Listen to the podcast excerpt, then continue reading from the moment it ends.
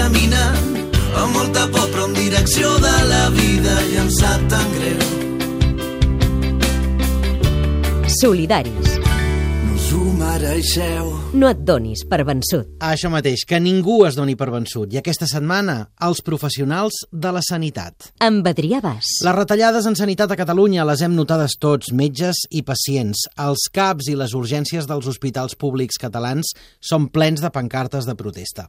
El pressupost de 2017 per al departament només s'incrementa en 364 milions, molt per sota de la despesa de l'any passat i molt lluny encara dels 1.500 milions que s'han arribat a retallar d'ençà de la crisi.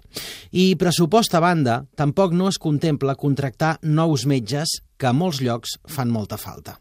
Aquesta setmana, metges, infermeres, serveis socials i usuaris de diversos CAPs del país s'han reunit per difondre un manifest que reivindica el paper clau de la medicina primària i que reclama al govern més pressupost i millors condicions. Avui la xarxa Molina amb bata blanca.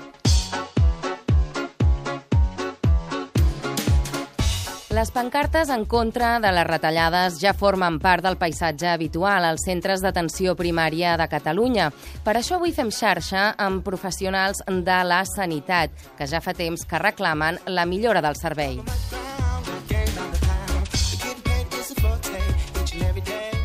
Aquesta setmana, diverses entitats del sector han fet públic un manifest que comprèn mesures urgents per enfortir l'atenció primària. Es queixen que el sistema sanitari català ha patit molt amb les retallades pressupostàries aplicades a partir de l'any 2010. Nani Batllosera és la presidenta del Fòrum Català d'Atenció Primària. Ara, amb els nous pressupostos que anuncia el Departament de Salut, les retallades s'acaben, s'incrementa un 4% al pressupost en salut, però la distribució d'aquest increment de pressupost és molt insuficient per l'atenció primària i, novament, en proporció amb com s'incrementen les partides per altres àmbits, doncs l'atenció la, primària surt perjudicada. En aquest sentit, demanen un augment del pressupost de l'atenció primària. Marta Rafael és la vicepresidenta de l'Associació d'Infermeria Familiar i Comunitària de Catalunya. Hem passat del 18% del pressupost del 2010 encara no un 14% en el pressupost prorrogat del 2016. No es poden plantejar dotacions suficients per als centres d'atenció primària continuada i d'urgències d'aquesta manera. Pensem que els pressupostos s'haurien de situar com a mínim en torn al 20% i treballar fins a un 25% que seria el desitjable per poder desenvolupar totes les tasques de prevenció, assistència i rehabilitació que són de la nostra competència.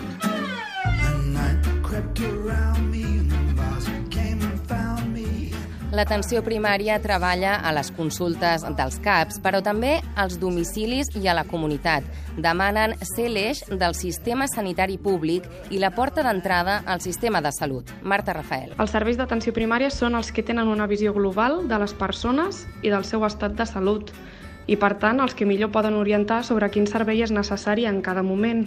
Hauríem de ser nosaltres els que decidíssim els tractaments dels pacients. Quan atendre un malalt, i qui gestionar les llistes d'espera, entre d'altres coses. Necessitem poder atendre de manera longitudinal a l'usuari, no només en moments puntuals, i ser els referents de salut per a tots els problemes que se li presentin. Van ser els metges del CAP de Can Vidalet, Esplugues, que van començar a fer circular aquest manifest on denuncien que l'atenció primària segueix sent la germana pobra del sistema sanitari. Aquesta setmana l'han fet arribar al Departament de Salut i a la gerència de l'Institut Català de la Salut. Tamara Sancho és membre de Rebel·lió Primària, és metge de família i treballa a l'equip d'atenció primària de Can Vidalet, Esplugues. Sancho apunta alguns dels problemes amb els que es troben.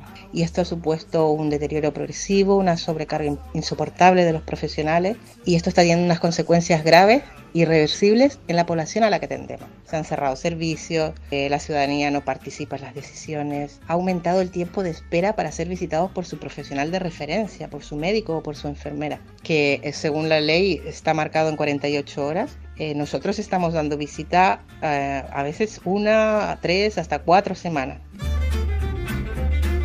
Nosotros, los profesionales, hace tiempo que estamos trabajando al límite y esto está teniendo consecuencias directas en, nuestra salud, pero también en la motivación y en la ilusión que, que tenemos para trabajar. ¿no? Hemos elegido esta profesión con mucha vocación y nos estamos sintiendo cada vez más quemados. Y esto al final tiene repercusiones en nosotros y también en el trabajo que realizamos. La doctora Flores de la Societat Catalana de Medicina de Família Comunitària ens dona algunes dades més sobre la situació actual de precarietat dels professionals d'atenció primària.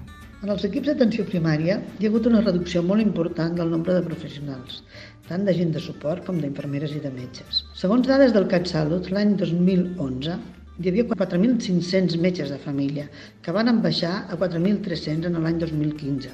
És a dir, estem parlant de 200 facultatius menys. Això en un context d'augment de cronicitat i envelliment de la població. Demanen també dotar d'autonomia de gestió als equips d'atenció perquè puguin prestar un bon servei. Quan es parla d'autonomia de gestió, es vol dir donar potestat als equips d'atenció primària per poder organitzar-se i això inclou, evidentment, la gestió del pressupost. En base a criteris clínics, professionals i ètics, són els mateixos professionals i especialment els directius propers al territori els que coneixen la millor manera de conduir l'equip.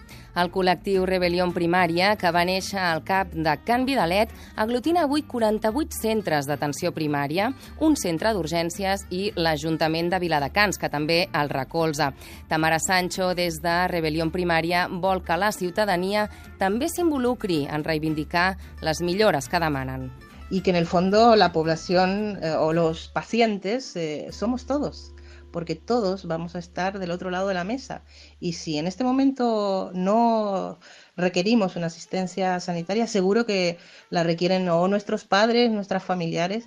Entonces eh, pensamos que tenemos que hacer un frente común y defender, exigir lo que es justo. Tener la sanidad pública no és una exigència perquè sí, eh, és un dret. Sota l'etiqueta Enfortim Primària podreu trobar tota la informació del col·lectiu que s'està organitzant per millorar el sistema sanitari i que han demanat ja reunir-se amb el conseller de Salut, Antoni Comín. Podríeu dir aquest món, però tinc altres coses per agradat ja pensar que no hi vaig fer res. Solidaris, amb Adrià Bas.